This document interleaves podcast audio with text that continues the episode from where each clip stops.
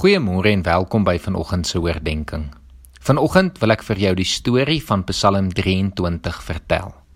Dalk ken jy dit al reeds, maar indien nie, glo ek dit sal jou opnuut hoopvol vir vandag laat. Psalm 23 is vir baie mense 'n gunsteling teks in die Bybel. Dit is waarskynlik een van die bekendste gedeeltes van die Bybel en 'n gedeelte wat gereeld gebruik word om mense te vertroos maar min mense ken die storie agter Psalm 23. Ons weet Psalm 23 is deur Dawid geskryf, maar min mense weet dat Psalm 22 ook deur Dawid geskryf is en dat Psalm 23 eintlik nie sonder Psalm 22 gelees kan word nie. Geleerdes meen Dawid het hierdie twee psalms kort na mekaar geskryf, albei terwyl hy vir Saul weggekruip het want soos julle weet, wou Saul vir Dawid doodmaak. Ons hoor iets van Dawid se benoudheid in Psalm 22 wanneer hy die bekende woorde wat Jesus ook aan die kruis aanhaal tot God bid. My God, my God, waarom het U my verlaat en bly U ver as ek om hulp roep?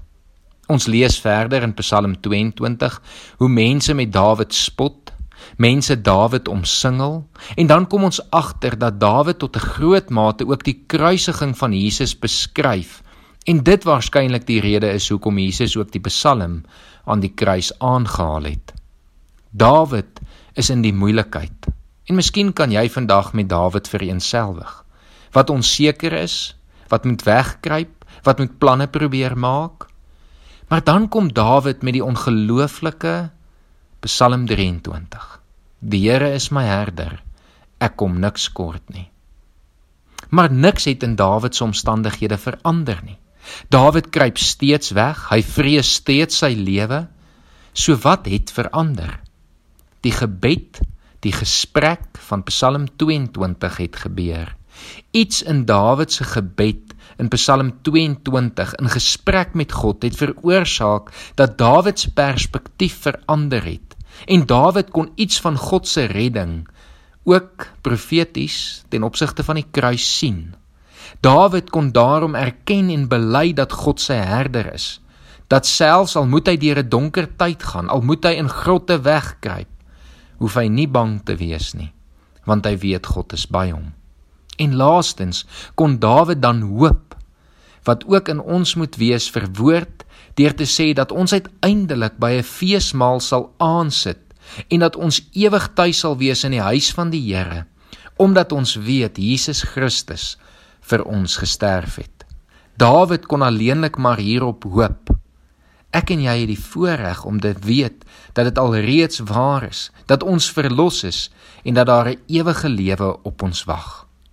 As jy vandag moedeloos voel, dan wil ek jou aanmoedig om te bid Laat toe dat daar in gesprek met God iets in jou binneste verander en dat God deur sy gees vir jou nuwe hoop gee. Hoop dat ook jy 'n ewige lewe by God het en dat jy veilig sal wees in die hande van die Here, jou herder. Mag dit vir jou waagmoed gee om vir nou niks te vrees nie, maar op die Here te bly vertrou dat hy jou sal lei.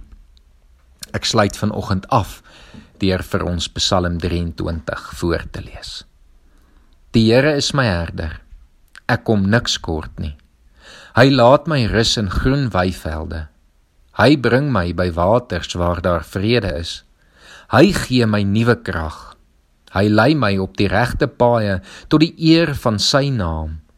Selfs al gaan ek deur donker dieptes sal ek nie bang wees nie, want U is by my. In U hande is ek veilig. U laat my by 'n feesmaal aansit terwyl my teestanders moet toe kyk.